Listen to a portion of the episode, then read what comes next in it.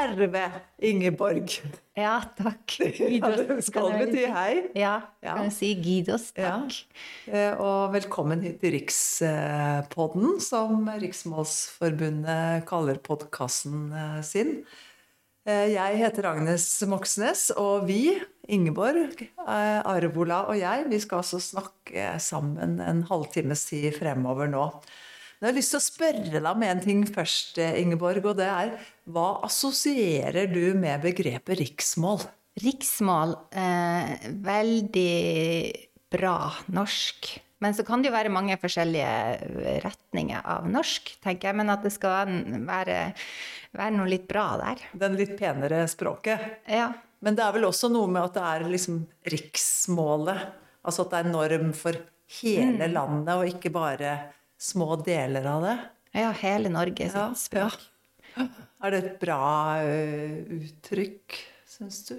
Ja, det er noe litt Føler du deg ja. hjemme, føler du deg hjemme i riksmål, f.eks.? Ja. Det er vel ikke sånn man tenker så mye på til vanlig. Det er liksom om man, jeg skriver bokmål, da, ville jeg tenkt. Men det er jo riksmål. I hvert fall hvis jeg skriver det bra, så tenker jeg at da er det vel riksmål. Kan man si om deg at du er en kven? Ja, det kan man godt si. Eller man- ville si halvkvensk, da. Det er, det er, syns, jeg syns det er et veldig fint ord. Men det er også litt forskjellige meninger om man vil si finsketta eller kvensk innad liksom, i miljøet i nord. Og de nærmeste i min familie syns at eh, kvensk er eh, et litt sånn tullete ord. Eller de føler seg ikke hjemme i det. Så de er mer sånn De er norsk med finske røtter. Ja. Kan du si noe mer om det? Altså Er det sånn at kvensk, ordet kvensk bærer på liksom litt skam? Ja, historisk så, så bærer det på litt skam, for det var et skjellsord, og det var også veldig sånn å bli satt i bås, så var du kanskje sø, sjøfinn, eller fjellfinn, eller du var kven, eller du var en nordmann, som var mye bedre. Så, uh, så det var et sånn som man kaller utgruppenavn, som jeg tror det var litt forskjellig fra sted til sted og tid til tid, hvordan det føltes uh, å brukes. Men så har det òg vært litt med, med den liksom, politiske utviklinga innad i det miljøet. På hvordan skal vi få løfta frem det kvenske eller det nordfinske eller det finske etter i oss, kulturen vår? Hvordan skal vi få den til å eh, leve videre? Og så har noen heia mye på kvensk og jobba for det. Og så har noen tenkt at det der er, blir feil for meg. Så, så det er kanskje like mye den nye tida sin bruk, akkurat sånn i, i bygder som eh, Byggenes og Neiden, da. Men det er jo bare en liten del av Finnmark, det her. Det er Sør-Varanger. Neiden er der hvor familien Arvola kommer fra, er ikke det? ja, Arvolaneset. Arvolanes, ja. Men hvem er det som heier på kven, kvensk, og hvem heier på, på, på norsk-finsk? Eller Jeg tror nesten alle. Det høres jo ut som det betyr akkurat det Ja, samme, så det må jo være assosiasjonene man får. Jeg tror de fleste heier på kvensk nå. Jeg tror det er kommet for å bli, og det er det man kaller Det blir et inngruppenavn, altså at man kan bruke det sjøl, for det det, er jo det man er. Men eh, sånn at man kan si at de eldste som er igjen, og som har, eh, som har finsken mye mer levende i språket sitt, eh, de føler at det er finsk de har, de føler ikke at det er kvensk de har, og de jeg syns ikke de skulle trenge å, å skifte mening eller å skifte navn på språket sitt eller noe sånt, så jeg respekterer jo dem også, i massevis. Men liksom innimellom så bare fletter jeg inn ordet kvensk, da, rett som det er. Selv om det ikke er helt greit. Vi skal, eh, vi skal snakke om eh, den siste boka di, men, men i etterordet der så snakker du om at faren din har kvensk som hjertespråket sitt. Men du, snakker du kvensk? Nei, jeg gjør jo ikke det. Jeg, jeg kan si som borra beive. Det, det betyr en slags god dag. Jeg kan si leibebaudele, som betyr brødet på bordet. Jeg kan si bippi bipkagassi, som er Pippi Langstrømpe. Eh, Men det, det er lite som jeg kan av det språket. Men jeg trodde jeg kunne det når jeg var liten. Så snakka faren min og alle søsknene og alle som kom inn, inn og gikk ut på Arvolaneset, de snakka finsk sammen, og der var jo jeg innimellom i lange perioder. Og da tenkte jeg det her snakker jo jeg. Altså, det her er vårt språk. Så, så tok det liksom eh, noen år før jeg skjønte at det er jo de som snakker det.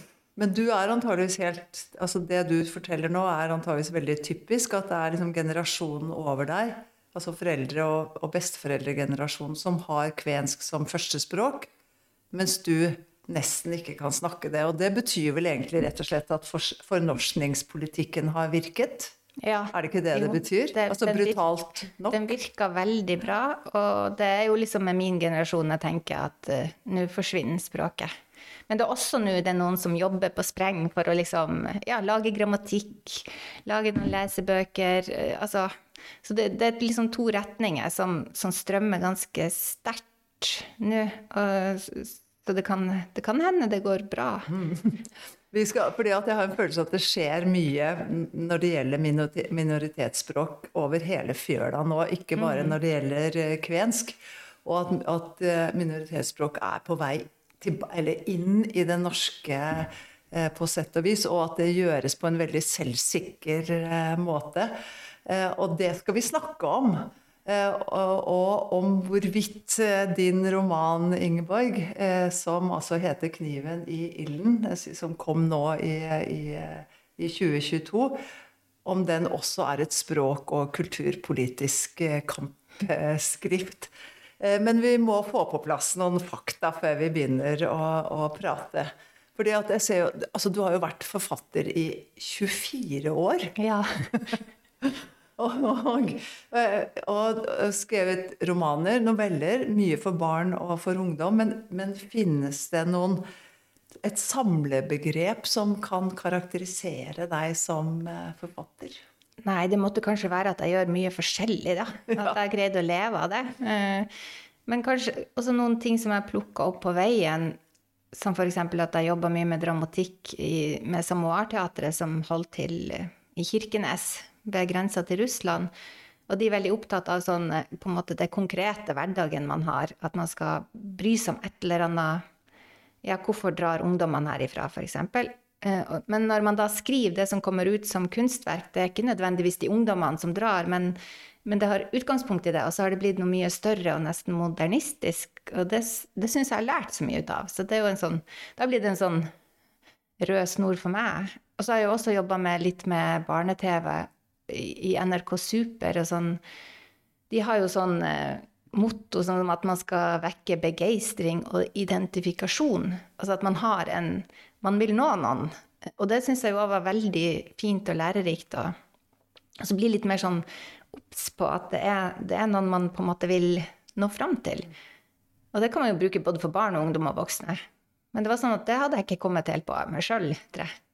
Så det har vært en, en prosess, eller Ja. du er i en prosess. Ja. Men det går vel an å si at du har hatt liksom det store, store gjennombruddet ditt nå i denne, dette året her. Ja, absolutt. Det, det er helt annerledes å ha en, en bok som kommer på den bestselgerlista. Eh, og, og, og det er så mange som leser den. Og den blir jo solgt, som betyr at jeg tjener jo penger. Liksom, på, liksom på en helt annen måte enn enn jeg har gjort som litt sånn lavtlønt En av de lavtlønte mange forfatterne som vi er her i Norge, som skriver bra. Men ja, det er ikke alle som man legger merke til hele tida. Du har høsta femmere og seksere. Du fikk Brageprisen. eh, Og nå er du også nominert til Nordisk råds eh, litteraturpris. Når skjønte du at dette gikk veien? Uh, ja, altså uh, Redaktøren min, Kari Joint, var veldig Hun heia veldig på prosjektet fra ganske tidlig.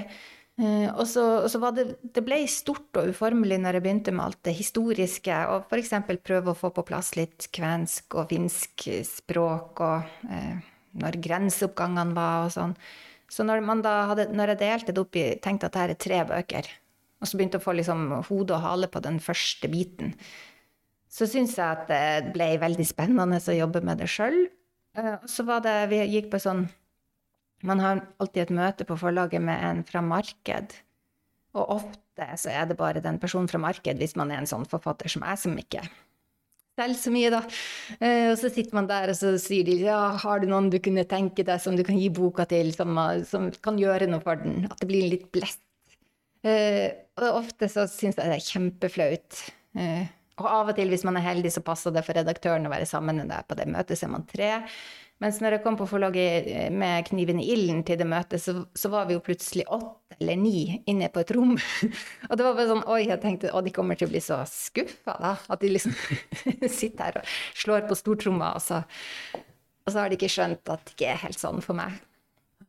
Men, men eh, altså eh, 'Kniven i ilden', det er jo en roman som tar utgangspunkt i din tipp-tipp-oldemor.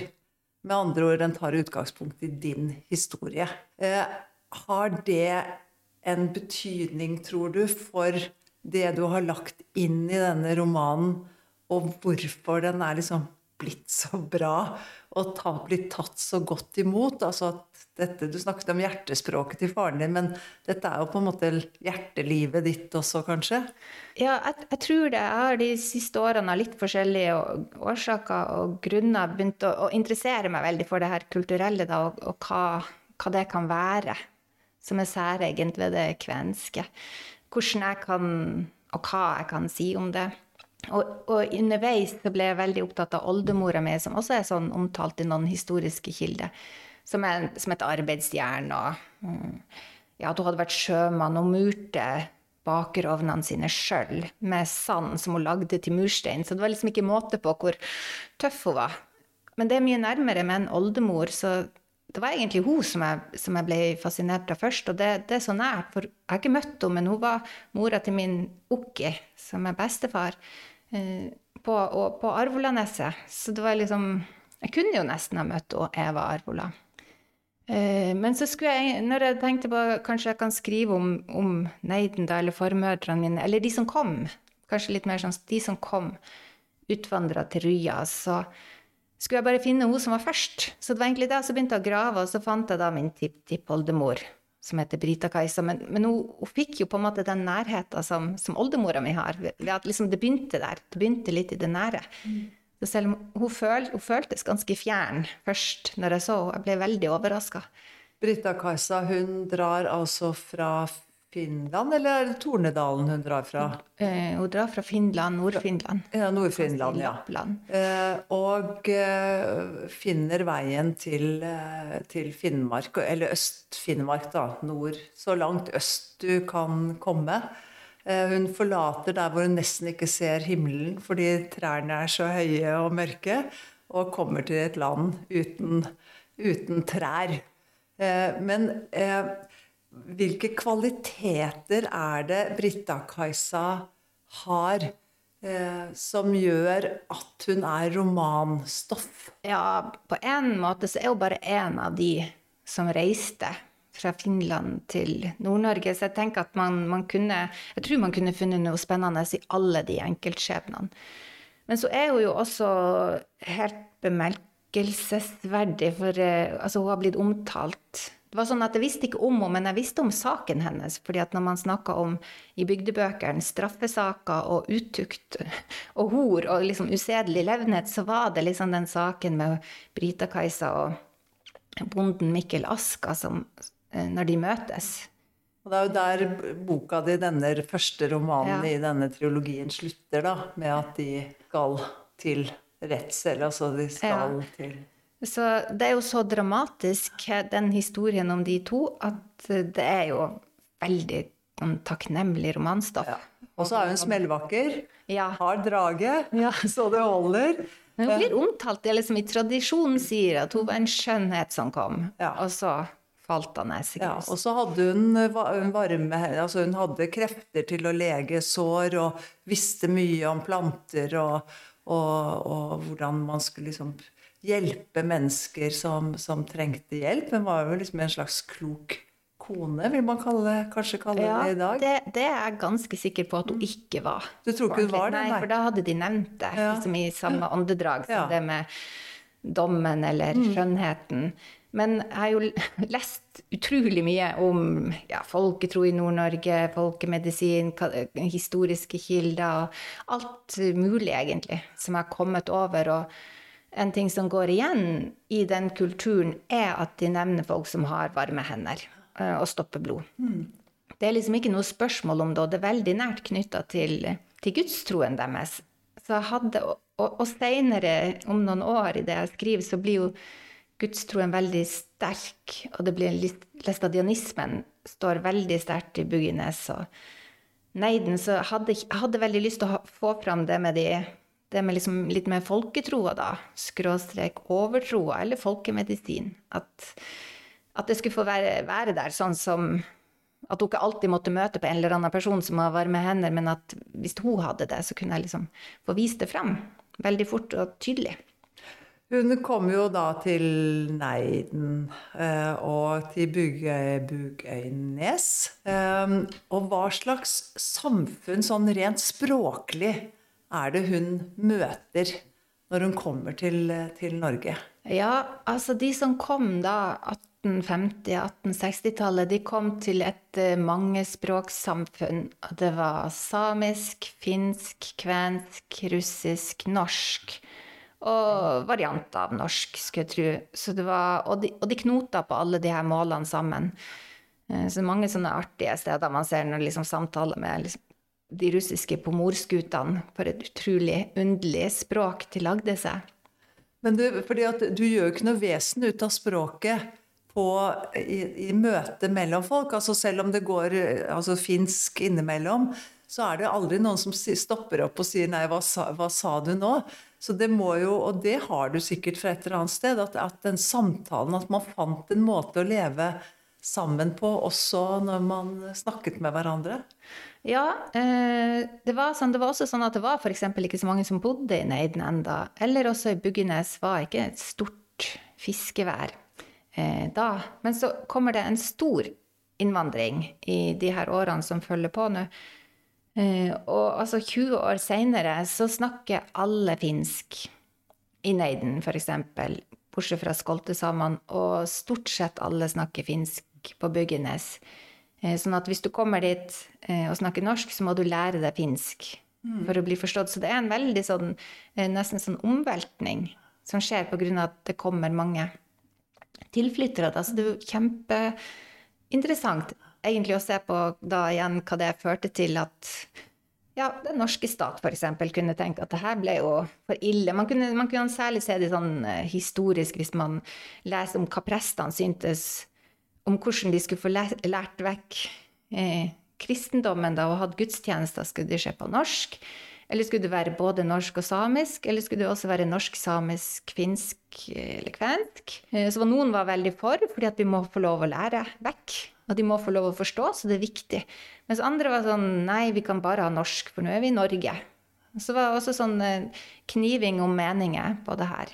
Ja, for de, de konfliktene som oppstår i den første romanen, den handler jo mer om de som oppstår mellom de fastboende og de nomadiske folket, altså samer og de fastboende. Eh, F.eks. og også da det norske og rettssystemet og sånt noe. Er det sånn at du tar opp den språklige konflikten i, i neste, neste, bok, eller holder du deg unna det? Jeg har jo lyst at det skal være der, men, men jeg kan skrive altså jeg kan jo ikke skrive alt på finsk, da, eller altså kvensk, hvis jeg hadde kunnet det. Sånn at, eh, så, så, på en måte så må jeg jo bare unngå det. Og så, eh, så jobbe for for de ordene som jeg putter inn, eller de gamle sangene eller salmene som jeg fletter inn her og der. Eh, men det går sikkert an å Ja, altså noen av de rettsdokumentene er jo veldig sånn sånn kronglete, høynorsk, eh, dansk-svensk, eller hva man skal si. Eh, så hvis man viser fram litt av det, da Det går kanskje an.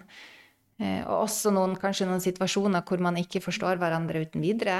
Det kunne jo vært gøy. Men det skal ganske, ganske, lite til å, å, gjøre det med språket før man liksom har avkledd sitt eget språk. Som jo liksom later som det går rundt og er finsk, men det er norsk. Altså sånn på siden. Så man kan ikke gjøre så mye sånn inni verket før man liksom river i stykker en, en følelse av at eh, man er inni det. Og så er det jo litt vanskelig for den som skal lese også. for det er jo sånn at det, det, stopper jo på en måte opp. Men samtidig så tenker jeg at de derre de eh, språklige Det at du bruker finsk da ganske mye inni teksten her, er jo et litterært virke, en litterær virkemiddel også. Ja, jeg, jeg syns uh, av noe av det som jeg har lest, da, altså når de sier sånn med de navnene f.eks., at det får en helt, en helt, egen klang når det er liksom Askan Mikko og Brita-Kajsa. Det er jo helt annerledes enn Mikkel Aska og Brita-Kajsa. Sånn, uh, så, så det, får, det, får, en klang som, som jeg tenker er viktig i, liksom i rytmen i teksten min. Uh, så stort sett så har jeg jo bare eh, brukt sånne vendinger som jeg vet stemmer, stemmer med området og tida. Altså de her sangene, sånn som Rujan Rannala. Altså at det, det, kommer jo derfra. Eh, så jeg vet, jeg vet, at det er rett finsk. Jeg er ikke helt sikker på om det nødvendigvis samtidig er rett eh, kvensk. I og med at man kan tenke på det nesten som dialekt. da. Uh, og det har jeg ikke gått så mye inn i, men det er jo liksom, jeg føler kanskje at jeg liksom landa litt mer i prosjektet. Så av og til nå, istedenfor bare å gjøre en sånn Google Translate på et ord her og der, altså som hyve, det kan jeg jo, det er bra. Men liksom hvis det er et annet ord jeg vil ha innimellom, så kanskje eh, har gjort noen sånne Google Translate, og så dobbeltsjekka litt. Mens nå har jeg også begynt å gå til den kvenske ordboka som fins Sånn her om dagen så jobba jeg med at Brita Kajsa ser en sommerfugl. Så skrev jeg først 'sommerfugl', så tenkte jeg men er ikke det kanskje et sånn fint ord å ha på finsk? Og det heter peronen på finsk. Så skrev, jeg har det med meg på en liten lapp her å, som eksempel. Men så søkte jeg på det kvenske ordet, og det er peivalinto. Eh, og det er dagfugl, så det er sommerfugl, dagfugl. Og så, jeg syns jo begge er fine, så jeg har ikke skrevet det inn ennå, men eh, ja, det var sånn Det er interessant å se likheter og forskjeller. Og så begynte jeg å lure på det her kan jeg sikkert bruke mange timer og uker og år på å bare forundre meg over, uten at kanskje, altså, Man kan lett sette seg fast, kanskje, i funderingen. Men eh, det du sier, da, er jo at, at, du på en måte har mistet et språk som du nå driver og leter etter å finne litt til, tilbake til igjen. Og da tenker jeg liksom at eller da må man liksom stille spørsmål om romanen din inngår i en slags liksom sånn større dugnadsarbeid da, for å revitalisere eh, den kvenske eller norsk-finske språket og, og, kulturen. Hva tror du om det? Ja, jeg tror det. Men ja, At det er litt sånn skummelt å ta på seg ansvaret for det. Men, men jeg tror i hvert fall hvis man tenker på det kulturelle, og viser det fram, hva som fantes, og hva som kanskje var særegenheter ved det, Eh, så vil man også vise fram språk. Så tanta mi var veldig overraska over at oi, så du kan ikke finsk? Nei. Og så begynte hun å oversette sånn samtidig mens vi satt og spiste frokost. Mange forskjellige ord som jeg ikke fikk med meg. Men for eksempel, det beit jeg meg fast i da, at ja, så løki. Eh, det tenker jeg, det er ikke finsk. Det er litt sånn kvensk. For det Jeg vet ikke om det er rett kvensk, men det er jo løk. Så man bare sånn løki. Mm. Litt torsk, litt torski. Sånn. Lodde blir loddi. Sånn, ja, ja, bare vri litt på det, så har du det. Og det er jo det som skjer når språk møtes mm. i nord. Men hva Altså, for jeg var i Vassø for en par uker siden, og da møtte jeg fetteren din. Ja. Kvenkokken. ja. Stig Arvola. Ja. ja. Og, og, og, han var jo så utrolig stolt over det du har gjort, og andre jeg snakket med også, som, som, altså som, som sier noe om Det du gjør nå, er jo på en måte ja, om ikke annet å vitalisere liksom, eller øke kunnskapen inn i en felles historie som dere har. Så jeg lurer på hva slags reaksjoner du har fått fra, fra ikke bare fetteren din, for han må jo være snill og grei mot deg, men uh, nei, det, andre? Ja, nei, altså jeg har jo fått veldig mye positive tilbakemeldinger. Også det med når man blir spurt om å være med på mange ting, og uh, om man har lyst til å uttale seg, eller komme og lese opp og sånn, det, det er jo Det er som en, nesten som å komme hjem med en familie. At det er veldig mye liksom veldig mange som står med armene åpne. Og nest, altså jeg trodde ikke helt det. Det var kjempegøy først, fordi hun heter jo Seipajärvi. Så alle som heter Seipajärvi, de er jo mest fra Buggenes og spredd seg utover. Og de ble jo veldig sånn overraska. Så hva, hvordan er hun i liksom, Det her er jo mora til liksom Heikki, vår bestefar. Hvordan, hvordan kommer hun Ingeborg Arvla inn i det her? Og så begynte vi å nøste da jeg kunne forklare om de her andre ungene. Eh, men da, så, så, det var jo kjempegøy å plutselig ha masse Seipajärvi tilhengere som var så glad for hun her formora si, som plutselig har blitt en romanheltinne. Eh, men også Jeg tror jeg kanskje har forventa litt eh, noen, noen skulle steile mer over at at kanskje jeg sa det var kvensk, og så er det ikke kvensk. Eller hvorfor har du ikke nok kvensk her, men det er jo egentlig bare sånn litt gammelmodig finsk. Eller jeg forventa kanskje vært litt sånn forberedt på å gå inn i en litt sånn, eh, litt sånn ugrei og uoversiktlig eh, situasjon hvor folk har sterke og forskjellige meninger, mens jeg er mer sånn ja takk, begge deler. Eh, men det er ikke sikkert at de meningene er så forskjellige, egentlig hvis, hvis, de kan lese den boka her og, og kjenne seg igjen. Mm. Du, du, er jo eh, Hvis man liksom løfter blikket litt fra, fra, din roman og ser oss rundt på hva som skjer på kulturuttrykk som kommer fra, fra forskjellige kanter for tida, så er du jo en del av en større trend. Eh, altså, du har Karpe, Eh, som jobber, mikser sammen alle typer eh, språk i villen sky uten å si et eneste ord om hva det betyr og hvorfor de bruker det. Så de, liksom, de krever det av oss, at vi går inn og lytter litt eh, ordentlig. Sesan, Seshan Shakar Eh, han som jo faktisk har kvensk eh, bakgrunn. Pakistansk kvensk. Han kommer vel og tar det markedet også. Så. Ja, han gjør vel det. Og det er jo det som er så morsomt når man leser en roman som dette her, så er det plutselig som det åpnes opp noen dører, da og at man ser ting helt nytt. Men iallfall, han har jo da skrevet jo 'Tante Ulrikkes vei', som, som, ble kjempeberømt, og hvor han brukte masse språk fra sitt, sin egen oppvekst, men som han laget da en ordliste bak, som man kunne forstå det. Når han nå skriver den romanen som heter 'De kaller meg ulven', så gjør han jo ikke det. Men han tar med seg foreldregenerasjons talemåter inn i litteraturen sin. Og, og gir det til oss, og, og, og, også sikkert til sine egne samtidige.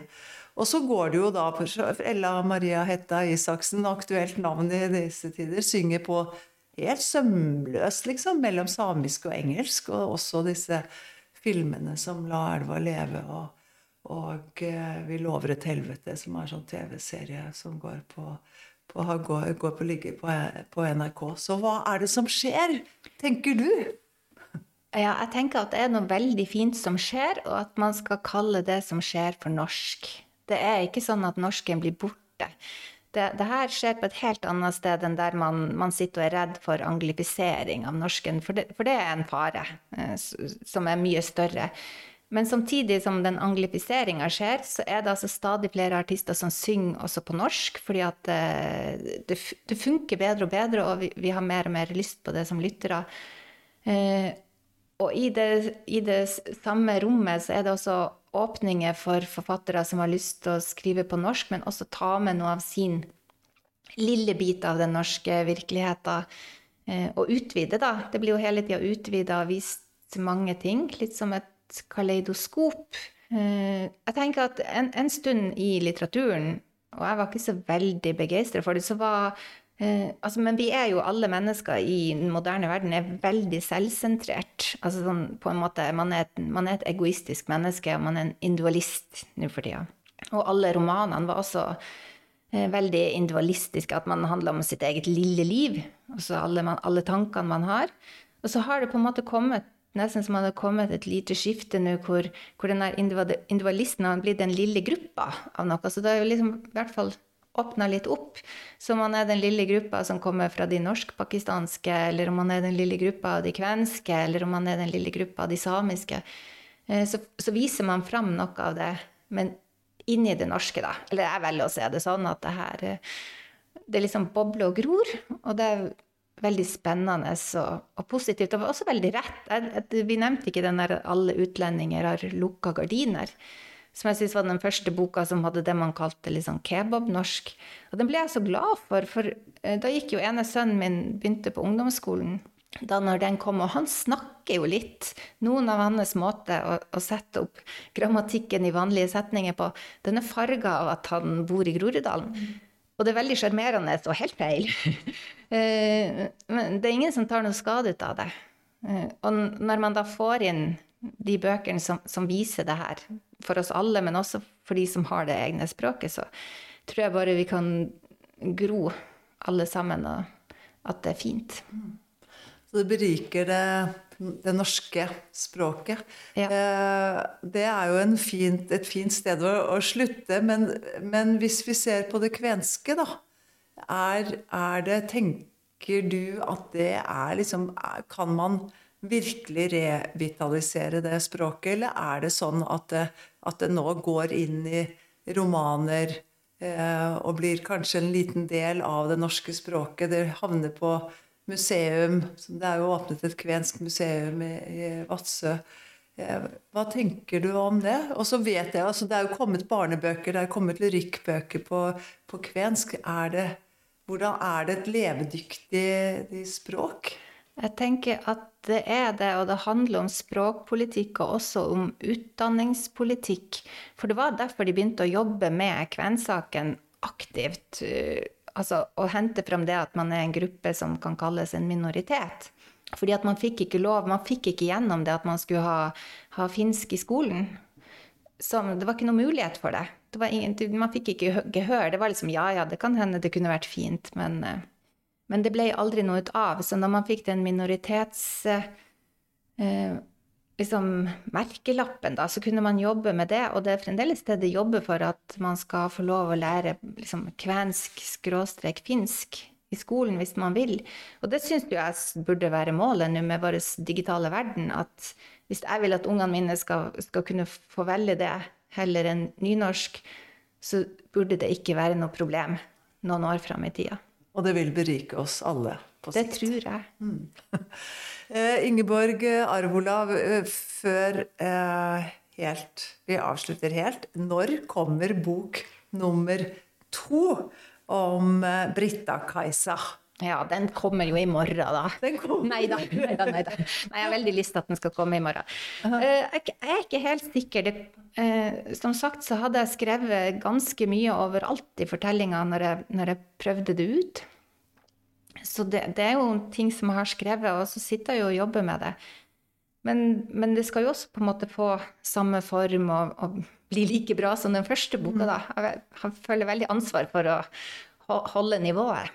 Så vi får nesten se. Men er det sånn at det, er, det blir tre bøker om henne, eller er hun, skal hun på en måte forlate oss og erstattes av noen av de andre formødrene dine? Ja, nei, det er de her tre bøkene. Det er det jeg tenker som må til for å fortelle om det. Om hennes det er Hun og Mikkel Aska. Ja. Ja. ja. Oi, oi, oi. Vi gleder oss, men liksom litt skrekk, skrekkblandet fryd, må jeg si, ettersom hun nå er på vei til et et Ja, det var ikke noe spøktre spøk, tror jeg. Nei. Mm. Ingeborg Arvola, takk skal du ha for at du kom til eh, Rikspodden. Kan ikke vi avslutte med en liten eh, kvensk regle? Ja, det her er en eh, regle som bare heter lorru. Pis pu paudanjalka mika voi veipaudala. Hiri vei. Missä hiiri? Aitan alla. Missä aita? Tuuli potti. Missä tuuli? Veesi sammuti. Missä veesi? Harka joi. Missä harka? Niitulla makka. Missä niitulla? Viikades viikales. Missä viikade? Koovasin kokulas. Missä koovasin? Kannon pelle. Missä kantu? Kaaru repi. Missä kaaru? Tuule seitsemän meren takana. Rikspodden kommer på luften med sjenerøs støtte fra Tor F. Dahls kulturbibliotek, Bergesen-stiftelsen og Fritt Ord.